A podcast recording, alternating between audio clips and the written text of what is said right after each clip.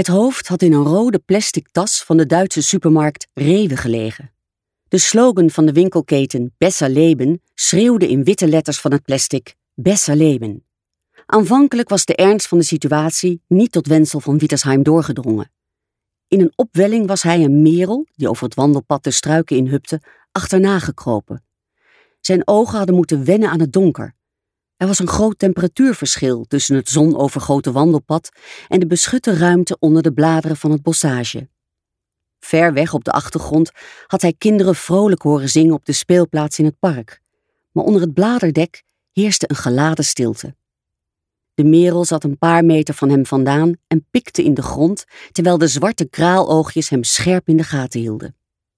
Voor hem, tegen de stronk van een hoge struik, had de plastic tas gestaan. Wenzel klopte de aarde van zijn knieën en ging rechtop staan.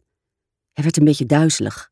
Gedachteloos had hij tegen het Rewe-logo getrapt en toen was het hoofd door de opening naar buiten gerold. Voorzichtig leek het te willen kijken wat er aan de hand was. Plukken haar plakte als eilandjes op de huid van het achterhoofd. Bij de nek was het bloed geronnen en bijna zwart van kleur. Een zoetige geur had zich verspreid. Dit was geen computerspelletje. Het had een paar seconden geduurd voordat Wenzel zich ervan bewust werd dat hij buiten in het park was en dat hij op een hoofd zonder lichaam was gestuit. Zijn hart begon tekeer te gaan. Hij hapte naar adem. Het bloed zuiste in zijn oren. Hij wilde wegrennen, maar een magnetische kracht nagelde hem aan de grond. Wenzel keek om zich heen. Het leek alsof de aarde stilstond. Nadat hij een tijd lang roerloos had gestaan, begon hij de rest van de omgeving in zich op te nemen.